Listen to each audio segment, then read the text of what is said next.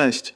Witamy Cię w 22 odcinku Bezpiecznego Podcastu, czyli cyklicznej audycji serwisu bezpieczny.blog, w którym piszemy i mówimy prostym językiem o prywatności i bezpieczeństwie w sieci. Za mikrofonem Wiktor, Łukasz i Marcin. Tematem dzisiejszego podcastu są ataki phishingowe. Opowiemy o kilku najpopularniejszych atakach na polskich internautów, o tym, jak się przed nimi ustrzec i spróbujemy dowiedzieć się, czy da się złapać autorów tych ataków.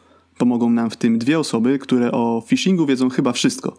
Drodzy słuchacze, przed Wami Adam Hertle i Adam Lange, czyli osoby, które m.in. prowadzą podcast i co niedzielną audycję o nazwie Rozmowy Kontrolowane. Witamy. Cześć. Cześć. Słuchajcie, yy, myślę, że wielu naszych słuchaczy bardzo, bardzo dobrze Was kojarzy. Mieliśmy przyjemność gościć Adama w piątym odcinku Bezpiecznego Podcastu, w którym rozmawialiśmy yy, rok temu o przekrętach na święta. No właśnie, to już rok minął. Jak ten czas leci? Część naszych słuchaczy może jednak słuchać yy, Bezpiecznego Podcastu od niedawna, albo dopiero zaczynać interesować się tematyką bezpieczeństwa w sieci. Stąd moja prośba, gdybyście mogli krótko się przedstawić naszym słuchaczom. To niech Adam zacznie. Adamie H. Ty pierwszy. Dobra, to traktujmy to alfabetycznie.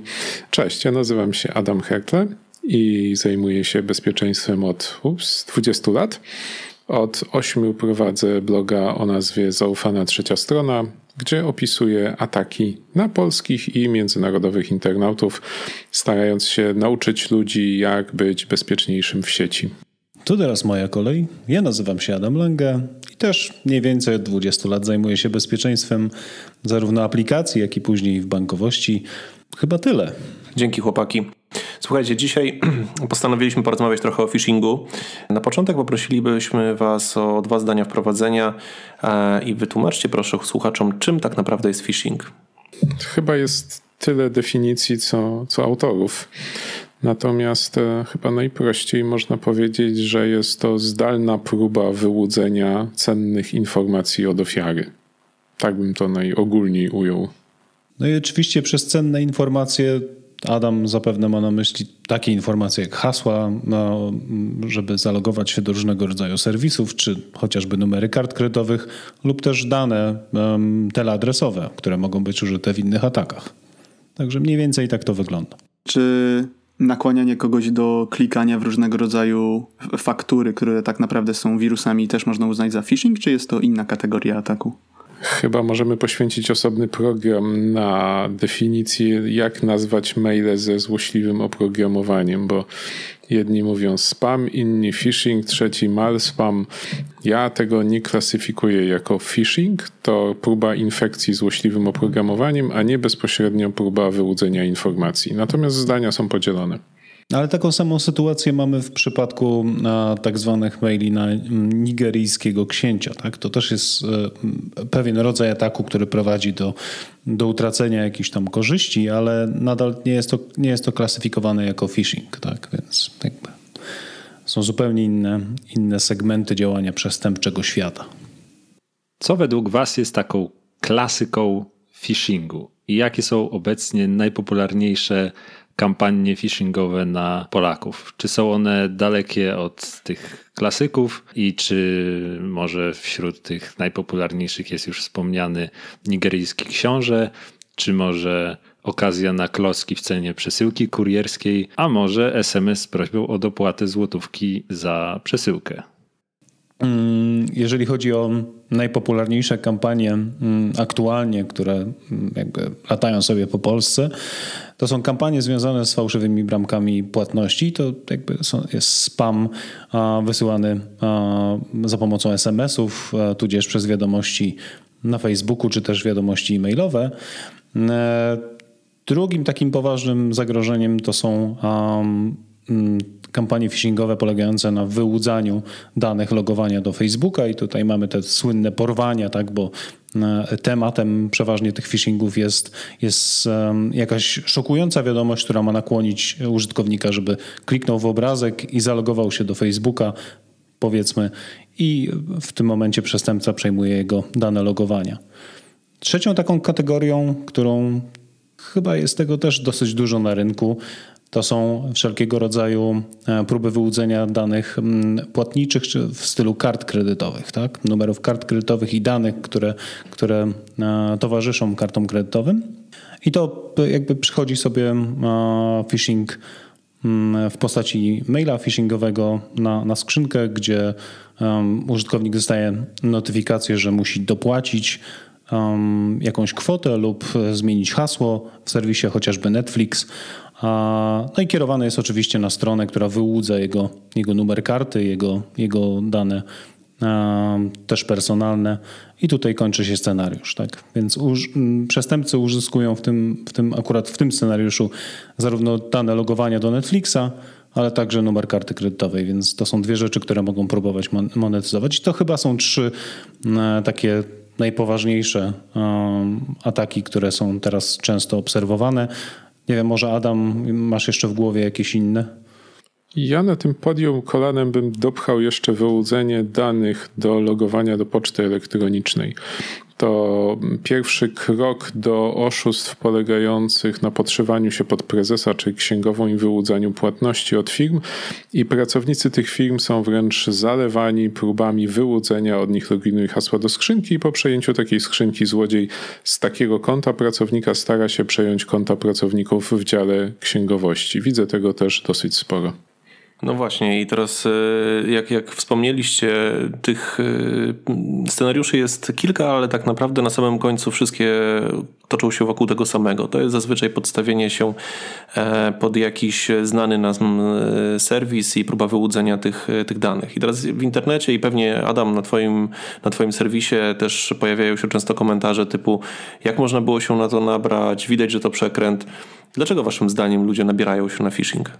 Ja myślę, że głównym powodem jest to, że wiele osób, które nie pracują w działach IT, a szczególnie w działach bezpieczeństwa, traktuje komputery jako kolejne narzędzie pracy. Tak jak my, na przykład, jako informatycy, traktujemy samochody. Ja się nie znam na tym do końca, jak samochód działa. No okej, okay, może mnie tam tata czegoś nauczył, kiedy naprawiał naszą Skodę, natomiast e, w nowoczesnych samochodach wiele rzeczy dzieje się tak, że gdybym miał rozrysować, nie wiem, jak działa sprzęgło w skrzyni automatycznej, to zastrzeżenie zastrzelcie mnie, nie mam pojęcia. I na tym samym poziomie wiedzy znajdują się użytkownicy komputerów. Dla nas jest to abstrakcyjne, bo my tym żyjemy na co dzień i dobrze wiemy, jak rozpoznać fałszywą wiadomość, po czym odróżnić fałszywą stronę, po czym zobaczyć, że jesteśmy atakowani. Natomiast jeżeli ja przynajmniej kilka razy do roku muszę się zastanowić kilkanaście sekund, czy to jest atak, czy nie jest, bo na pierwszy rzut oka to dla mnie nie jest oczywiste, a podobno jestem w tej sprawie ekspertem, to co o tym ma powiedzieć zwykły, nie wiem, dentysta, sprzedawca czy nauczyciel, który nie wie, jak wygląda y, złośliwa, a jak prawdziwa wiadomość, bo nigdy go nigdy tego nie nauczył, a nawet jakby ktoś próbował, to on nie ma w ogóle potrzeby posiadania takiej wiedzy. Więc e, no, to jest po prostu funkcja tego, że trudno jest w naturalny sposób odróżnić wiadomość prawdziwą od fałszywej w internecie. Tworząc protokół poczty nie zadbano o to, aby e, uwierzytelniać nadawcę. No i takie są tego skutki. To, co powiedziałeś, jest bardzo ciekawe. Nikt go tego nie nauczył. A może to rzeczywiście jest jakiś pomysł, że zamiast. W, w ogóle nie wiem, co teraz się uczy na informatyce w szkole. Ja, jak chodziłem do szkoły, to na informatyce e, graliśmy w Małysza, a, a, nauczyciel sobie siedział w internecie. Tak to wyglądały lekcje e, kilkanaście lat temu. E, nie wiem, co się teraz uczy w, w szkołach podstawowych albo średnich, a być może właśnie jakieś elementy takiego cyberbezpieczeństwa już od tych takich wczesnych lat powinny być e, zapewnione jak, jak uważacie? Być może trochę by to pomogło, ale trochę, no bo bądźmy szczerzy, uczyliśmy się pewnie wszyscy, jak działa trawienie w komórce, tak? Jakiegoś pierwotniaka. Kto pamięta i kto jest w stanie rozrysować te wszystkie wodniczki trawiące, żujące i wydalające? No, y, to, czego się uczymy w szkole, nie do końca zostaje nam w głowach. No tak, to, to tutaj akurat ten przykład rzeczywiście e, przemawia do mnie. Z drugiej strony jeszcze jest tak zwana druga strona medalu. W momencie, kiedy zaczniesz tą edukację zbyt wcześnie, to e, w pewnym momencie, na pewnym etapie e, życia takiego młodego człowieka, e, przeważnie zaczyna on się interesować nie tylko dobrą stroną tego internetu, ale i złą, to też obserwujemy. Pojawia się chęć wykorzystania swoich jeszcze słabych umiejętności, żeby dokuczyć kolegom na przykład, albo przejąć jakieś konta w serwisach, też kolegów. Także to trochę działa w dwie strony. Ta edukacja może być dobra, tak? Mogą, mogą ci ludzie uważać na chociażby phishingi i nie dać się łapać na, na wszelkiego rodzaju ataki, ale z drugiej strony mogą tą wiedzę zacząć e, już od młodych lat wykorzystywać a, przeciwko innym po prostu. Tak? No, jak, pamiętajcie, że jest ten okres buntu jeszcze troszeczkę, szczególnie u nastolatków, którzy mają dziwne pomysły czasami. No ja, ja otwierałem e, dyski CD e, innym kolegom na informatyce, jak tam podesłałem im wcześniej jakiś program. No właśnie o tym mówię, że pierwsze tak naprawdę kroki to nie jest robienie dobra, tylko bardziej dokuczanie albo testowanie swoich własnych umiejętności, które przeważnie jeszcze są słabe. Słuchajcie, dla mnie w ogóle e, jest niesamowite to, że przestępcy nie śpią cały czas i, i udoskonalają te swoje metody.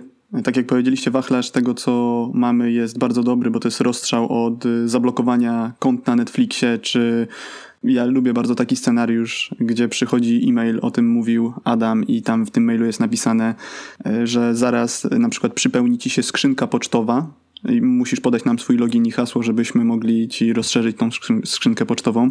E, później było wspomniany, był wspomniany Facebook i ta informacja, żeby pomóc odnaleźć sprawcę pobicia czy e, zaginioną dziewczynkę. Czy wy macie coś takiego, co zapadło wam w pamięć? Taki jakiś scenariusz phishingowy, który jak zobaczyliście, to pomyśleliście, że w odpowiednich okolicznościach sami moglibyście się na to złapać? Hmm. To jest bardzo ciekawe pytanie, szczególnie, że jakby od wielu lat widzimy tego typu ataków bardzo dużo i ciężko jest wyselekcjonować te takie mm, fajniejsze, może w ten sposób.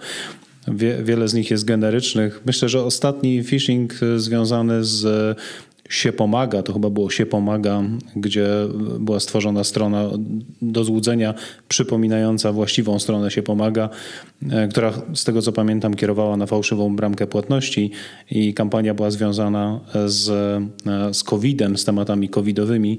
Um, no myślę, że to był ciekawy case, bo było ta, ta, ta, ta akcja była bardzo dobrze przygotowana, na tyle dobrze, że że ludzie w pewnym momencie zaczęli reagować, że właściwa strona się pomaga, jest tą fałszywą i, i przestali już tak naprawdę orientować się, co jest prawdziwe, co jest fałszywe, więc to, to mi zapadło w pamięć. Mi jest prościej odpowiedzieć na to pytanie, bo kiedyś się złapałem i to mm, nie wstydzę się tego, bo, bo to jest zupełnie normalne, wydaje mi się, u ludzi. Natomiast moja historia jest jeszcze podwójnie dobra, bo e, phishingował mnie kolega. E, szykowaliśmy akcję dla jednego z naszych klientów wysłania maili phishingowych e, i jeden ze scenariuszy, który ćwiczyliśmy, to był pozew od jakiejś kancelarii, z którym trzeba było się zapoznać. No i kolega mi powiedział, że będzie wysyłał te testowe maile i pierwszy, który wysłał, to właśnie był ten z pozwem. I między momentem, kiedy tego maila mi wysłał, a momentem, kiedy mi to zapowiedział, minęło jakieś 10 minut i kiedy ja dostałem tego maila, przeżyłem jakieś 30 sekund stresu związanego z tym, że znowu mnie ktoś pozywa, pewnie znowu w jakimś artykule o kimś napisałem, komuś się nie spodobało i znowu trzeba się będzie bujać z adwokatami po sądach i wyjaśniać, że nie jestem wielbłądem. Mimo iż 10 minut wcześniej usłyszałem, że tego maila dostanę. E, więc dobrze wstrzelony scenariusz w dany problem człowieka zawsze zadziała. Absolutnie zawsze. Zawsze ktoś się złapie. To jest bardzo ciekawe, co mówisz, bo też mieliśmy podobny przykład. Robiliśmy w firmie kampanię phishingową związaną z komornikiem, który tak zwa, wchodzi na pensję pracownika, bo dogadał się z pracodawcą. E, I nasz szef również wiedział, że ten, ten, ten scenariusz będzie leciał w firmie. Jednak gdy otrzymał tego maila, to pierwsza jego myśl była taka, jak szybko zadziałała Straż Miejska, która wy, wydała mu, nie wiem, yy, mandat dwa czy trzy dni temu, skoro on już teraz dostaje informację o tym, że nie zapłacił i że część pensji zostanie mu zabrana. Więc jego mózg zadziałał automatycznie. Było jakieś zdarzenie z tym, że musi zapłacić, nie zapłacił. Nagle przychodzi informacja, że komornik jest na koncie i od razu powiązał te, te dwie rzeczy, mimo tego, że chwilę wcześniej rozmawialiśmy o tym, że będziemy właśnie e, testową kampanię wysyłać. To, to też niesamowite, że najpierw połączymy fa ten fakt z otrzymanym mandatem wcześniej, a nie z informacją, że faktycznie będzie coś takiego robione. No zadziałały emocje, tak? Strach i, i, i gdzieś tam złość, że mandat trzeba będzie zapłacić. Ja niedawno pokazywałem na paru konferencjach e, historię około 2000 osób, które odpowiedziały na mail od złodziei podszywających się pod firmę windykacyjną i wśród tych odpowiedzi kilkadziesiąt było, brzmiało już zapłaciłem, a kolejne kilkadziesiąt brzmiało nie, nie zabierajcie sprawy do sądu, zaraz wam zapłacę, podajcie numer konta. Więc no, do kogoś ta wiadomość trafiła w odpowiednim momencie. Ale patrząc jeszcze na przykład tak trochę szerzej na, na międzynarodowe kampanie phishingowe, gdzie w większości może nie w większości, ale duża ilość e, kampanii dotyczy serwisu płatniczego PayPal chociażby. To jest też ciekawe, dlatego że za granicą ludzie masowo używają tego serwisu do płatności, do zakupów itd., tak itd., tak więc jeżeli dostają informację e, od PayPala, że ich konto zostało zablokowane albo cokolwiek innego, no to zareagują właśnie w taki sposób, że nie zastanowią się, czy nie będą patrzeć, czy jest kłódeczka, czy są na właściwej stronie, oni po prostu zareagują, bo, bo używają tego PayPala. Tak? Na przykład sprzedawcy eBaya, e, to, to, to, to, to jest bardzo łatwy target dla tego typu kampanii. Teraz jeszcze PayPal powoli wprowadza płatne konta, więc podejrzewam, że chyba od grudnia zaczną obowiązywać, że podejrzewam, że będą kolejne ataki o tematyce PayPalowej. Wspomniałeś o tym, że o zagranicznych kampaniach. Czy wy widzicie jakiś rozstrzał e, w kampaniach phishingowych, tych, które są wykonywane na polskich obywateli i tych, które są tworzone za granicą? Ja muszę powiedzieć, że chyba te w Polsce są lepiej przygotowane. Bo jak patrzę na takie ogólne kampanie przychodzące do Polski z zagranicy, to widzę najczęściej dosyć słabo napisane, dosyć słabo stworzone ataki, przynajmniej te masowe. A to jest czy PayPal, czy Netflix, te domeny są beznadziejnie założone. Treść jest czasem lepsza, czasem gorsza, ale nic specjalnego. Z lepszych takich zachodnich, no to są ataki na procesy finansowe, gdzie przychodzi jakaś rzekoma płatność od kontrahenta, to się zdarza trochę wyższej jakości. Natomiast w polskich kampaniach, takich, gdzie widzimy, że autorem jest Polak e, i, i mamy poważne powody sądzić, że sprawcami, sprawcy są polskojęzyczni. Z reguły te wiadomości w, nie wiem, w 80-90 przypadkach są dosyć dobrze dopracowane. Ale może to być też efektem tego, że te lepiej targetowane ataki z zachodu po prostu do nas nie trafiają, głównie dlatego, że są lepiej targetowane. Słuchajcie, y, my też y, pracując zawodowo jako bezpiecznicy w różnych firmach, y, czasami też w ramach takich akcji uświadamiających, akcji edukacyjnych dla pracowników, sami tworzymy taki phishing, tak żeby pracownikom firmy wysłać i zweryfikować, na ile są w stanie wychwycić to, że to jest, to jest próba wyłudzenia. I przygotowując tego typu akcje, zawsze zastanawiamy się, jak, jak tego maila zbudować, żeby też przypominał to, co się dzieje w tym momencie na rynku. I tutaj, Adam, powiedziałeś, że mm, te akcje y, w Polsce są bardzo dobrze przygotowane, rzeczywiście. Natomiast zwróciliśmy uwagę, że zawsze, ja przy, przynajmniej nie widziałem tego, takiego phishingu, zawsze pojawiają się literówki. Jak to jest, że ci przestępcy, oszuści zawsze, poda, zawsze robią literówki w tych mailach? E, czy to jest waszym zdaniem jakaś taka wskazówka, ostatnia szansa dla tego e, człowieka, który ten phishing dostaje, żeby miał szansę jednak mimo wszystko się zorientować?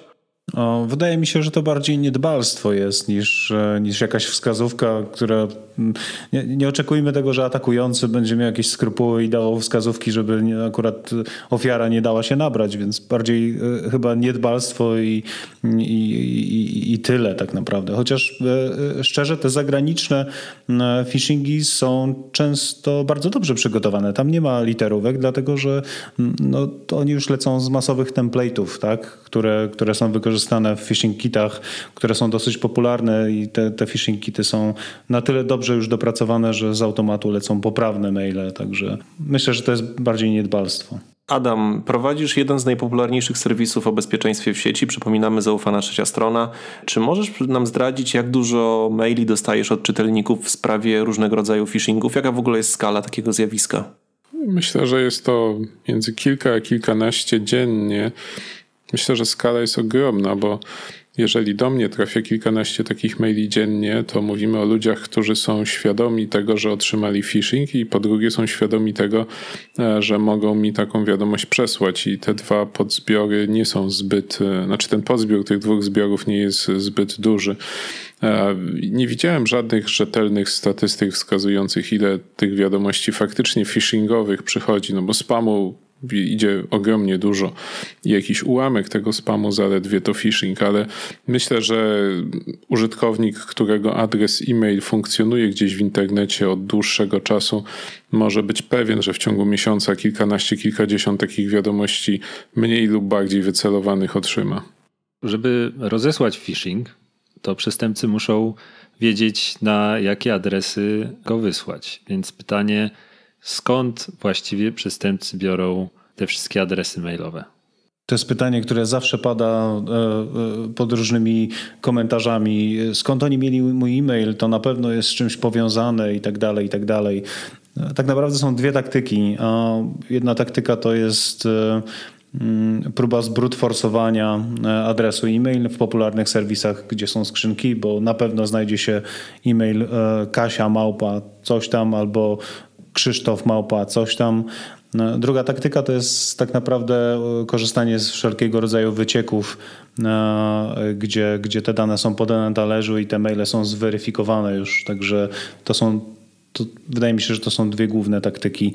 No, trzecia, taka trochę mniejsza i rzadziej stosowana, to są skrapery, czyli odpowiednio napisane narzędzia, które chodzą sobie po stronach internetowych i starają się znaleźć na tych stronach adresy e-mail i zbudować taką bazę. Powiedziałeś o tym, że robiony jest ten brute force adresów e-mail, to od razu mi się przypomniała każda rozmowa z osobą, która zapraszała mnie na garnki czy inne wystawy sprzedażowe i podczas tej rozmowy, gdy ja się pytałem, skąd pani ma mój numer, to pani zawsze mówiła, że wylosowała. Komputer pana, pana wylosował. A skąd pani wie, że ja mieszkam w Warszawie? Komputer pana wylosował. To mniej więcej tak działa, tak? Że to, to, to komputer e, losuje. No. Mówiliście o tym, że oprócz tego, że są kampanie wysyłane do szerszej gamy osób, to są również takie kampanie, które są wycelowane w pewne osoby. E, to wskoczmy trochę na, na wyższy poziom trudności i powie, porozmawiamy o tym spear phishingu, czyli bo tak się nazywa ta kampania, która jest e, wycelowana w konkretną osobę. Powiedzcie mi, kto powinien się obawiać tych, tych kampanii, tych takich dokładnych, przygotowanych ataków? Chyba każdy, kto ma jakieś zasoby mogące stanowić atrakcyjny cel dla napastnika, czy środki finansowe, czy informacje, które można spieniężyć. Na co dzień z reguły są to albo osoby zamożne, albo osoby, które są podejrzewane, że są zamożne, na przykład inwestorzy kryptowalutowi, albo osoby, które pełnią kierownicze funkcje w dużych, poważnych organizacjach. Ja, ja może trochę rozszerzył to, co Adam powiedział, bo mm, dodałbym do tego jeszcze osoby, które mogą mieć kontakt lub współpracować z tymi osobami, o których wspomniał, e, wspomniał Adam. Na przykład sekretarki. To jest też częsty, częsty target, dlatego że sekretarka m, mm, przeważnie ma też dostęp do korespondencji osoby, u której pracuje i, i dostęp do kalendarza i tak dalej, więc e, myślę, że to można powiedzieć, że to są trochę szersze też ataki. E, słuchajcie, e, trochę wartości dodanej dla naszych słuchaczy, bo pewnie e, wśród tych, którzy nas słuchają, zdarzą się osoby, które albo już dały się złapać, albo kiedyś może dadzą się złapać. Więc co zrobić, jak daliśmy się nabrać? Co możemy wtedy, jakie kroki by wypadało wtedy podjąć? Trudno jest dać taką uniwersalną poradę dla każdego scenariusza, ale najogólniej rzecz ujmując, jeżeli mamy podejrzenie, że jakieś poufne dane przekazaliśmy komuś o złych intencjach, to o ile te dane jesteśmy w stanie zmodyfikować, należy je zmodyfikować lub jakoś zablokować możliwość ich używania przez złodzieja. Czyli jeżeli podaliśmy komuś hasło i orientujemy się, że to nie była strona naszej poczty, tylko złodzieja, no to trzeba jak najszybciej to hasło zmienić, a najlepiej jeszcze poinformować administratora usługi, że do takiego incydentu mogło dojść. Jeżeli podaliśmy komuś numer karty kredytowej, no to trzeba tą kartę zablokować i wyrobić nową. Więc no, za każdym razem trzeba ocenić, co może się stać stać na skutek naszego gapiostwa i starać się tym skutkom jak najszybciej zapobiec. I podkreślam jak najszybciej, bo często te wyłudzone dane są wykorzystywane w ciągu paru minut. Tutaj y, warto y, uzupełnić to, Adam, wydaje mi się o to, że wspomniałeś o tej, poczcie, y, o tej poczcie i o tym, że trzeba zrobić to szybko. Też kiedyś pisaliśmy na ten temat artykuł, że taki dostęp do poczty daje często dostęp też do innych serwisów, których e, jesteś właścicielem, bo e, rzeczywiście większość e, usług, znaczy funkcji typu zapomniałem hasła sprowadza się do tego, że na naszą pocztę przychodzi e-mail z linkiem do resetowania hasła, więc bardzo często dostęp do tej naszej poczty powoduje, że taka osoba posiada też dostęp do innych kont, w których być może mamy zapisane jakieś wrażliwe informacje, więc trzeba troszeczkę szerzej na to spojrzeć. Przede wszystkim też e, zaraz po wykonaniu takich działań, o których mówił Adam, czyli szybka blokada, zmiana hasła, włączenie MFA na koncie itd., tak itd., tak e, wydaje mi się, że trzeba chwilkę usiąść i przy swojej chociażby skrzynce pocztowej e, i zrobić szybki rachunek sumienia, co tam może jeszcze być. Bardziej zorganizowane grupy przestępcze, które używają phishingu za granicą, jakby spotykałem się z takimi case'ami za granicą głównie, E, mają skrypty, które po prostu automatycznie czeszą taką skrzynkę w poszukiwaniu rzeczy, które można spieniężyć. E, czy to są właśnie jakiekolwiek informacje finansowe, czy zdjęcia, czy też e, dane logowania do innych serwisów, tak jak wspomniałeś. Także to jest wszystko robione już praktycznie z automatu, więc tak trzeba zrobić rachunek sumienia i tak trzeba szybko reagować i, patrzeć też na inne serwisy. E, ciekawym trikiem, który też ostatnio spotkałem i o którym też warto powiedzieć, pamiętajcie, że często zmiana haseł czy ustawienie MFA przy logowaniu niekoniecznie może pomóc zabezpieczyć dostęp do takiej skrzynki, do której było włamanie. Pamiętajcie, że są jeszcze takie funkcje jak e, forwardowanie maili, jak e, reguły, e, które też potrafią różne rzeczy robić. Także trzeba też przejrzeć ustawienia skrzynki, czy przypadkiem atakujący nie zostawił sobie forwardera i nadal nie czyta waszych maili. Czasem jest jeszcze tak, że nawet zmiana hasła nie powoduje wylogowania już istniejących sesji, więc jeśli przestępca cały czas siedzi nam na poczcie, to zmiana hasła może tego nie zrobić. Chociaż niektóre serwisy mają taką funkcję, żeby wylogować, znaczy zakończyć wszystkie istniejące sesje. No właśnie, więc może warto o tym wspomnieć.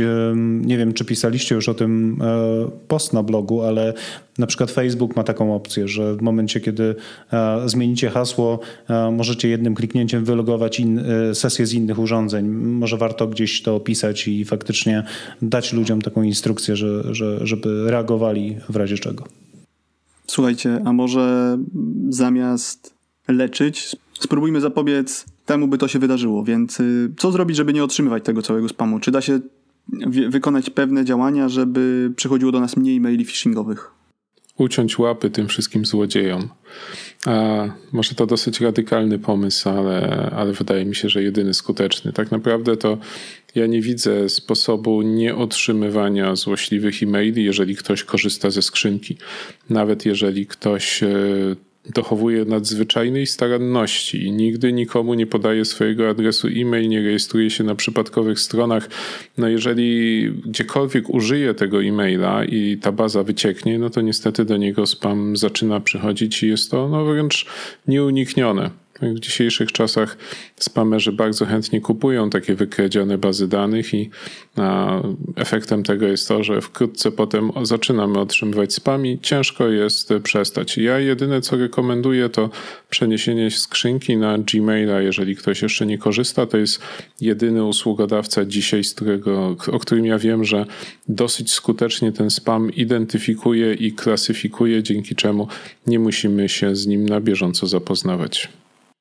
Jeszcze dodam do tego, że pamiętajcie, że nawet jeżeli za, mm, zachowujecie higienę, jeżeli chodzi o e-mail e, i staracie się, żeby on nie wyskoczył nigdzie tam, gdzie może być użyty, żeby was zaspamować czy zafiszować, to pamiętajcie, że e-mail służy do komunikacji, także wysyłacie te e-maile do innych ludzi, którzy niekoniecznie muszą tą higienę trzymać, więc e, wasz adres e-mail może wyciec z innych skrzynek i tyle.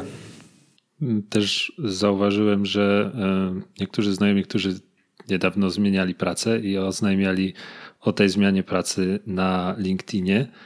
E, dostawali na nowe służbowe skrzynki maile phishingowe od razu, mimo że nie podawali tam maila. Czyli widocznie ktoś, kto obserwuje tę firmę na LinkedInie i zna sposób, jak budowany jest e, e-mail, na przykład imię, kropka, nazwisko albo pierwsza litera imienia, kropka, nazwisko, małpa i tam domena firmy.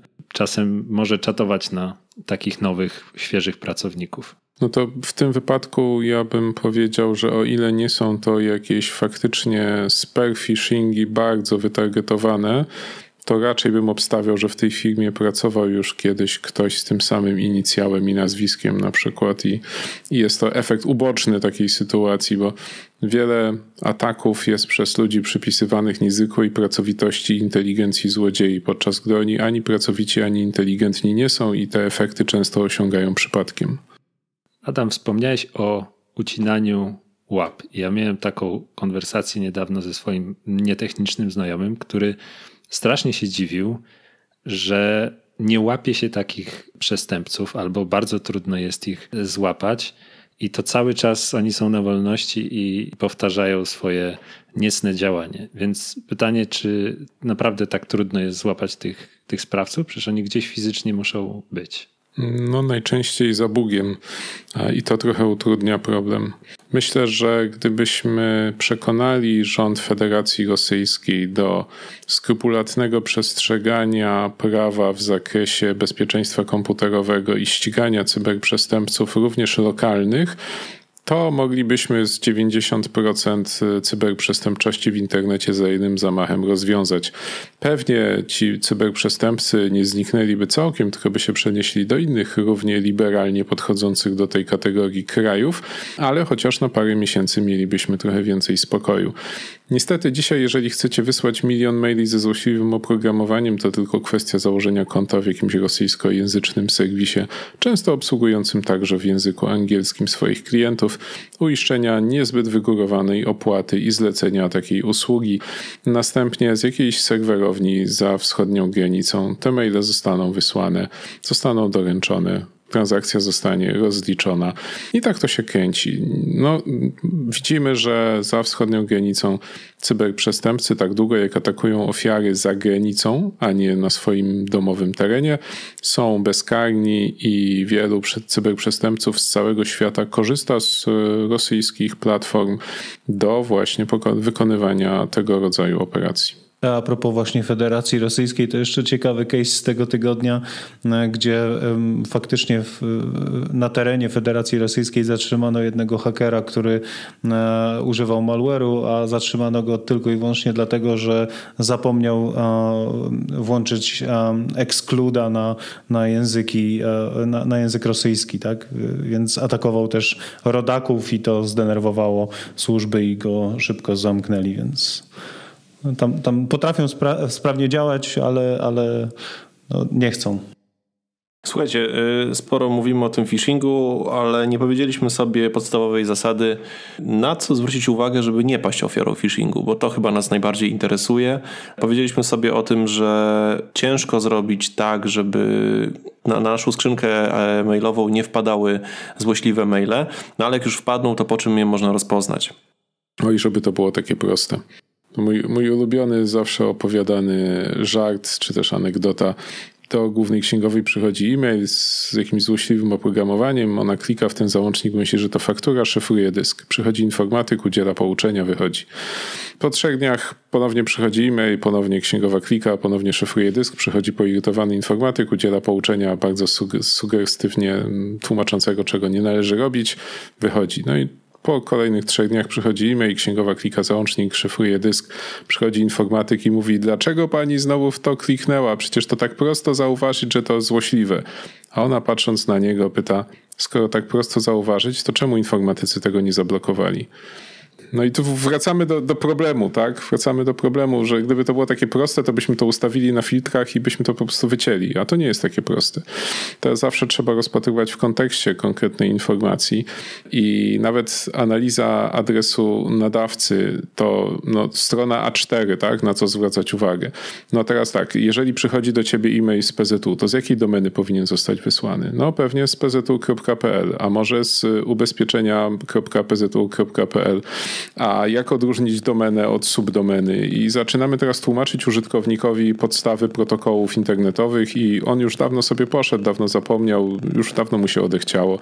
Nawet najprostsze metody, które znajdują się we wszystkich poradnikach na zasadzie sprawdź adres nadawcy, no to, to mi przypomina te porady, które czasem eksperci dają. Nie klikaj w podejrzane linki. To jest świetna rekomendacja, tak? W ogóle, no nie wiem, bądź zdrowy, tak? To jest równie dobrze, taką rekomendację mogliby dawać lekarze. Równie merytoryczna i równie skuteczna. Trzeba się tylko jej trzymać i wszystko będzie dobrze. Skąd biedny użytkownik ma wiedzieć, który link jest podejrzany? No on klika w link, bo go dostał, tak? No myśli, że ten mail jest do niego dla nas ekspertów to jest proste, tak? Choć nie zawsze, ale w większości przypadków, no nie, 90 parę procent takich rzeczy widzimy na oko, że coś jest nie tak. Ale dlatego, że myśmy na tym zęby zjedli i oglądaliśmy te maile przez ostatnie 10 lat po 10 godzin dziennie. A ten zwykły użytkownik nie ma żadnej szansy. Ja nie mam żadnej dobrej rady, takiej prostej. No okej, okay, no w firmie można nauczyć ludzi sprawdzać, czy ten mail przyszedł z domeny firmowej. Ale to też jest trudne, bo jak ktoś dostaje 150 maili dziennie, to co, tak każdy mail ma sprawdzić? On nie ma na to czasu. Na szczęście coraz więcej firm na przykład oznacza maile. Ten mail przyszedł od nas, ten mail nie przyszedł od nas, tak? Traktuj go jako podejrzany, bo przyszedł z innej domeny niż nasza. No więc przynajmniej jakąś część maili można oznaczyć za zaufane. Ale to jest problem fundamentalnie wpisany w protokoły pocztowe, które nie przewidują żadnego uwierzytelnienia, żadnego, żadnej technologii prostej dla użytkownika sprawdzenia, czy naprawdę jest tam, gdzie miał być. Zresztą w internecie nie ma takich technologii, nawet te kłódki przecież słynne na stronach bankowych, tak? No to teraz każdy przestępca ma kłódkę i jak teraz tłumaczyć użytkownikowi, że jak jest kłódka, to jest dobrze, a jak nie ma kłódki, to jest źle. Nigdzie już nie, nie, nie ma sytuacji, że nie ma kłódki, tak? To już są jakieś ewenementy. Więc no, internet nie był zaprojektowany do walki z cyberprzestępczością, tylko do łatwej, szybkiej komunikacji i teraz płacimy tego cenę, a zaprojektować go od początku już się nie da. Ja tylko chciałem powiedzieć, że byłem szukać warsztat samochodowy, gdzie mógłbym zrobić przegląd i, i, trzy strony warsztatów samochodowych, które odwiedzałem, to żadna nie miała kłódki, więc nie wiem, czy to teraz nie jest wyznacznik tej strony, która jest tą prawdziwą stroną. Też tych kłódek to nawet w większości przeglądarek nie widać. Tylko, że pewnie ten warsztat samochodowy stronę internetową miał zrobioną 10 lat temu i od tamtej pory właściciel tylko opłaca raz na rok fakturę za hosting i to wszystko, nie? Wydaje mi się, że to, to nie jest jego core biznesu, żeby się zajmować tym, czy jest kłódka, czy nie ma. Wracając do tego przykładu z księgową, to jeśli praca użytkownika polega na otwieraniu maili albo klikaniu w linki, no to kłopot. Mieliśmy kiedyś taki problem, że mieliśmy zablokowane skracacze linków w sieci i dziewczyna z marketingu przyszła i powiedziała, że ona nie może wykonywać swojej pracy, ponieważ na Twitterze, jak jest 140 znaków albo 280, wszyscy korzystają ze skracaczy linków, więc ona nie może się dostać do treści tego, do, do przekazu, który jest w tym tweetie, więc no coś trzeba zrobić. No albo te maile, nie? Też powiedzieliśmy sobie o oznaczeniu maili z zewnątrz, ok, wszystko jest ok, ale jak mamy e, pracowników, którzy chociażby mają kontakt z klientem i dostają kilkadziesiąt maili dziennie od klientów, to wszystkie maile będą oznaczone, że są z zewnątrz i to spowoduje, że ten użytkownik nie będzie zwyczajnie e, w ogóle no, nie będzie wyczulony na to, tak? No bo dlaczego miałby być? To jest normalka, że przychodzi mail z zewnątrz. Więc rzeczywiście, Adam, masz rację, to jest bardzo trudny temat, nad którym powinni się pochylić chyba właśnie ludzie po naszej stronie. Natomiast nikt chyba nic sensownego do tej pory nie wymyślił. Poza takimi zaawansowanymi algorytmami w Google, jak, jak, jak wspomniałeś.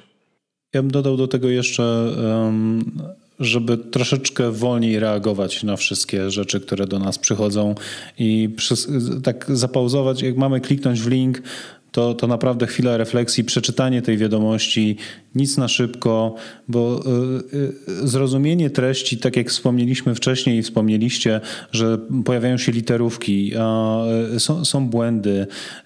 Naprawdę chwila uwagi i może uchronić tą, tą, tą osobę od utracenia danych. Dlaczego o tym mówię? Dlatego, że często jest tak, że nawet jeżeli jest strona pośrednia, która mówi uważaj, bo to jest phishing, to ci ludzie i tak omijają tą stronę, żeby wejść na, na, na właściwą, bo, bo nie czytają tych komunikatów. Tak samo e, macie błąd chociażby w Windowsie, wyskakuje jakieś okienko, to pierwsze co robi e, osoba e, dowolna, no to zamyka to okienko szybko, żeby nie przeszkadzało i leci dalej, tak? No jakby to, to też działa tak, taki zbyt, zbyt szybko to wszystko próbujemy zrobić. Wystarczy przeczytać ten komunikat i się dowiemy, że ta strona jest podejrzana, została zgłoszona, nie należy na nią wchodzić. Kropka. Ale to trochę też jest tak, jak Adam wspominał o tych samochodach, nie? Że ci użytkownicy zwyczajnie nie wiedzą, z czym się wiążą te komunikaty. Ja mam taki problem e, z moją mamą, że czasami do mnie dzwoni i mówi: Słuchaj, wiesz co, na komputerze mi wyskoczył jakiś komunikat, nie? Ja mówię: Czytałeś, co tam jest napisane? Nie no, zobacz. Nie? Więc yy, z, góry, z góry jest założenie takie, że, że, że yy, osoby, które nie są jakoś z technologią mocno związane, no to uznają, że tam są pewnie jakieś techniczne informacje, które, yy, które są skierowane właśnie do osób, które się zajmują y, IT. Ja myślę, że jedynym sensownym rozwiązaniem tego problemu jest przeniesienie tej odpowiedzialności poza użytkownika. W dużych organizacjach to już się dzieje i dobrze zorganizowane działy bezpieczeństwa i IT są w stanie tak skonfigurować urządzenia, oprogramowanie po stronie użytkownika, czy też jakieś urządzenia sieciowe, że nawet jak ten użytkownik kliknie w coś złego, to nic złego się nie stanie. I najwyżej dostanie informację, że to było coś złego, pójdzie na dodatkowe szkolenie i tyle. Tak, Natomiast w przypadku zwykłych użytkowników, którzy nie mają takiego anioła stróża za plecami, tę rolę mogą i w niektórych przypadkach już zaczynają pełnić dostawcy usług telekomunikacyjnych, tak jak mamy i nigdy nie przestanę ich za to chwalić, cybertarczę w Orange, która ratuje użytkowników przed nimi samymi. Oni potem dzwonią na tą infolinię i mówią, ale ja muszę kupić te buty czy, czy kamerkę i proszę mi wpuścić do tego sklepu, bo ja bardzo potrzebuję. No, a oni muszą tłumaczyć, że nie, ten sklep nie jest prawdziwy i nie wolno do niego wchodzić, bo kradną pieniądze. I takie uniemożliwienie użytkownikowi zrobienie sobie krzywdy, nawet gdyby on bardzo chciał, jest moim zdaniem jedyną drogą. Tylko mówię, to się musi wydarzyć poza użytkownikiem i tego nie załatwi antywirus. To musi być jakaś scentralizowana jednostka, która będzie ten ruch za użytkownika filtrować. Spróbujmy sobie na koniec, e, jako taką puentę, jakieś trzy złote zasady jednak dla tych naszych użytkowników zdefiniować, tak żeby, jeżeli mieliby coś zapamiętać z tego odcinka, to co to mogłoby być? Nie klikaj w podejrzane linki. I nie, nie, nie, otwieraj, nie otwieraj załączników. I, i bądź zdrów. to myślę, że mam. Zgodzę się z moim imiennikiem że e, głęboki wdech e, przed przeczytaniem wiadomości i chwila refleksji nad jej treścią to najlepsze, co może użytkownik zrobić. Choć zdaję sobie sprawę z tego, że nie da się tego zrobić na każdym mailu, ale ja na swoich szkoleniach opowiadam, jeżeli mail budzi w tobie emocje i czujesz, że, e, że on wyzwolił te emocje, na przykład dostajesz maila, że nie wiem, że twoje dziecko potrącił samochód, albo że musisz zapłacić jakieś długi, albo że właśnie przyszedł pozew rozwodowy mailem jeżeli przychodzi coś takiego, co cię wytrąca z równowagi, to to jest moment, kiedy trzeba sobie zapalić tą czerwoną lampkę, wziąć głęboki oddech i się zastanowić, czy na pewno ten mail jest do nas i czy na pewno powinniśmy ten załącznik otwierać. Druga rada, jaką bym przekazał, jeżeli musicie otwierać dużo maili i boicie się, że traficie na coś złego, to jeżeli macie najmniejsze podejrzenie, to albo skonsultujcie to z jakimś informatykiem, działem bezpieczeństwa, jeżeli macie takiego pod ręką w swojej organizacji czy otoczeniu, a jeżeli nie macie, to otwórzcie tego maila na telefonie ponieważ e, znakomita większość tych wszystkich ataków mailowych jest wymierzona w komputery stacjonarne w e, system Windows. Bardzo, bardzo rzadkimi przypadkami są złośliwe e, załączniki, które uruchamiają się w jakimś innym środowisku. Przed phishingiem w ten sposób się nie uratujecie, ale uratujecie się w ten sposób przed złośliwym oprogramowaniem. Te załączniki nie uruchomią się na telefonie. Więc jeżeli naprawdę musicie jakiś załącznik otworzyć, raczej zróbcie to na telefonie. To są dwa patenty, a trzeci załóżcie sobie pocztę na Gmailu, bo Gmail większość większość tych złośliwych wiadomości filtruje całkiem skutecznie i dzięki temu one po prostu do was nie dotrą. Moja mama ma skrzynkę na Gmailu i dużo mniej się boję o to, że stanie się jej coś złego. Śpię spokojniej. No to ja do tej listy całej dodałbym jeszcze uruchomienie wszędzie, gdzie się da wieloskładnikowego uwierzytelnienia, które znacznie ogranicza, nawet jeżeli komuś uda się mm, sfiszować wasz login i hasło do skrzynki pocztowej, do dowolnego serwisu, zawsze będzie ten trzeci element lub czwarty element, kwestia tego, jak, e, jak udostępnia dany serwis, jakie możliwości, które będzie wymagać waszej dodatkowej interakcji i to powstrzyma atakującego przed uzyskaniem dostępu do waszych danych, bo będziecie musieli jeszcze dodatkowo wykonać jakąś operację i często ta operacja uratuje wam te, te skrzynki, te dane, czy, czy dostępy do bankowości chociażby. Więc to bym jeszcze do listy dorzucił. I chyba to wszystko. Dziękujemy naszym gościom. Tematem dzisiejszego podcastu był phishing. O phishingu, a dokładnie o tym, jak rozpoznać phishing, będziemy pisać w najnowszym wydaniu magazynu Programista Junior. Jesteśmy bardzo szczęśliwi z tego powodu, że we współpracy z magazynem Programista Junior tworzymy jako bezpieczny blog sekcję bezpieczeństwo. Magazyn Programista Junior można otrzymać w wersji cyfrowej. I to chyba wszystko z naszej strony. Dziękujemy bardzo naszym gościom. Dzięki. Cześć. Cześć. Cześć. Cześć.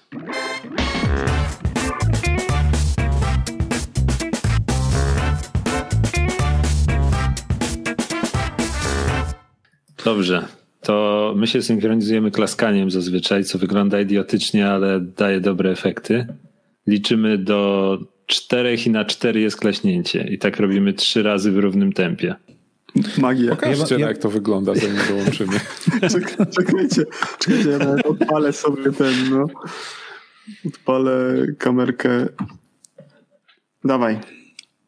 Tak? Dobrze. No. Uwaga, liczę. Raz, dwa, trzy, cztery. Raz, dwa, trzy, cztery. Raz, dwa, trzy, cztery. Nie wiem, czy Adam. Z każdym kolejnym wychodziło wam coraz lepiej. Prawda? Bo to, to, to... Dlatego wy, następne wyjdą lepiej z wami. Dobrze, czy możemy... My, ale mnie nie będzie widać. Dobrze. Musimy mieć. Wy... A, dobrze. Wsłuchaj się w mój głos. Ja cię słyszę. Dobra. To, to samo. Lecimy. Raz, dwa, trzy, cztery. Raz, dwa, trzy, cztery. Raz, dwa, trzy, cztery. A, ujdzie. No. Coś się z tego Boże, Boże, jaki dramat. Wiecie co, a z tego sklaskania zrobiłem screenshota. Będę miał na pamiątkę. No i już są materiały. Na kompromitujące. Nie, to są z, z zakulis. Dobra. Możemy Słychać, jak tam Adam scrolluje i klika. Nie, właśnie ktoś, ja, ja, ja się nie ruszyłem, ale to właśnie ktoś scrollował i Adam coś się jakoś uśmiecha dziwnie. E, nie scrollowałem, ale jeździłem myszką, ale to naprawdę było słychać? Było. Ja może, ja może dlatego tego nie słyszę, że mam słuchawki. Eee, słuchajcie, mam nadzieję, że Audacity mi się nie wystrzeli po drodze, bo to open source, więc różnie może być. No ale dobra, no nagrywa się. Dobra, to zaczynamy. Wiktor, zaczynasz? Ej, czekajcie, czekajcie. No. Sorry, ja nie zacząłem nagrywać. Dobrze, że sprawdziłem, nie? Bo, bo wybrałem sobie źródło i w ogóle i zacząłem sprawdzać, gdzie jest ta opcja zapisywania pliku do konkretnej lokalizacji i, i nie nacisnąłem guzika rekord. Dobrze, to jak Adam zacznie już nagrywać, to klaszczymy po raz trzeci. Więc nacisnąłem guzik nagraj i pojawił mi się komunikat QuickTime'a. Nie można nagrać, spróbuj nagrać ponownie.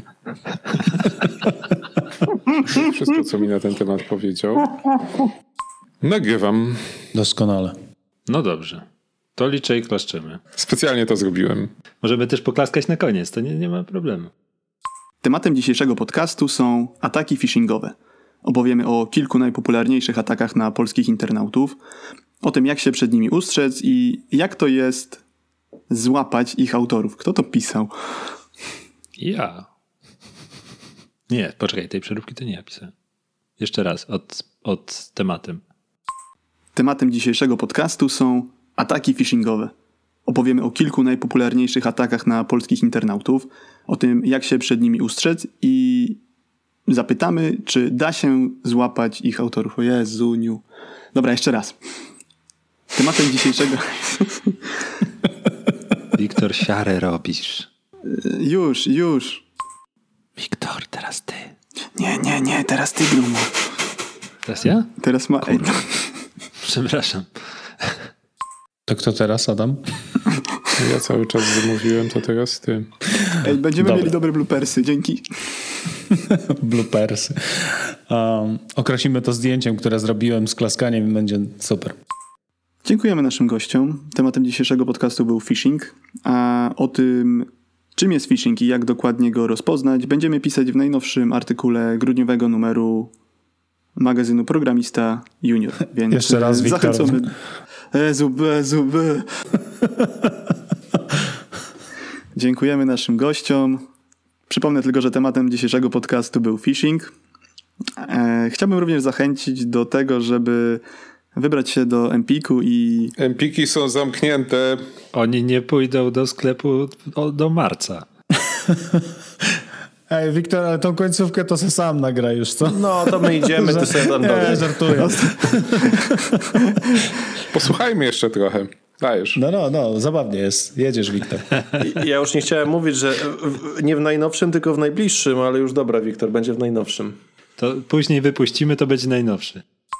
Magazyn Programista Junior można otrzymać w wersji cyfrowej. Jak empiki będą zamknięte? Dziękuję. Dziękujemy, dziękujemy bardzo naszym gościom, którzy za, poświęcili czas, żeby podzielić się swoją wiedzą z nami i ze słuchaczami. Wiktor, ale nie mów, nie mów o empikach tylko, bo to jest product placement. Powiedz o żabkach, bo ostatnio rozmawialiśmy o żabkach. Powiedz, że w każdej żabce będzie. Best stores around the corner near you. No. Special price. Special price for you. E, Wystarczy tylko kliknąć w linka, którego wam wyślemy pocztą. Dobra, e, mi wyszedł plik 500 mega, ja nie wiem. e, To mailem wyślij Gromowi. No właśnie, wyślę. Nie, linka ci wyślę do pobrania, także ten. O, Będzie super. zip exe. Exe to taki nowy, nowy format. Byle nie w PDF-ie.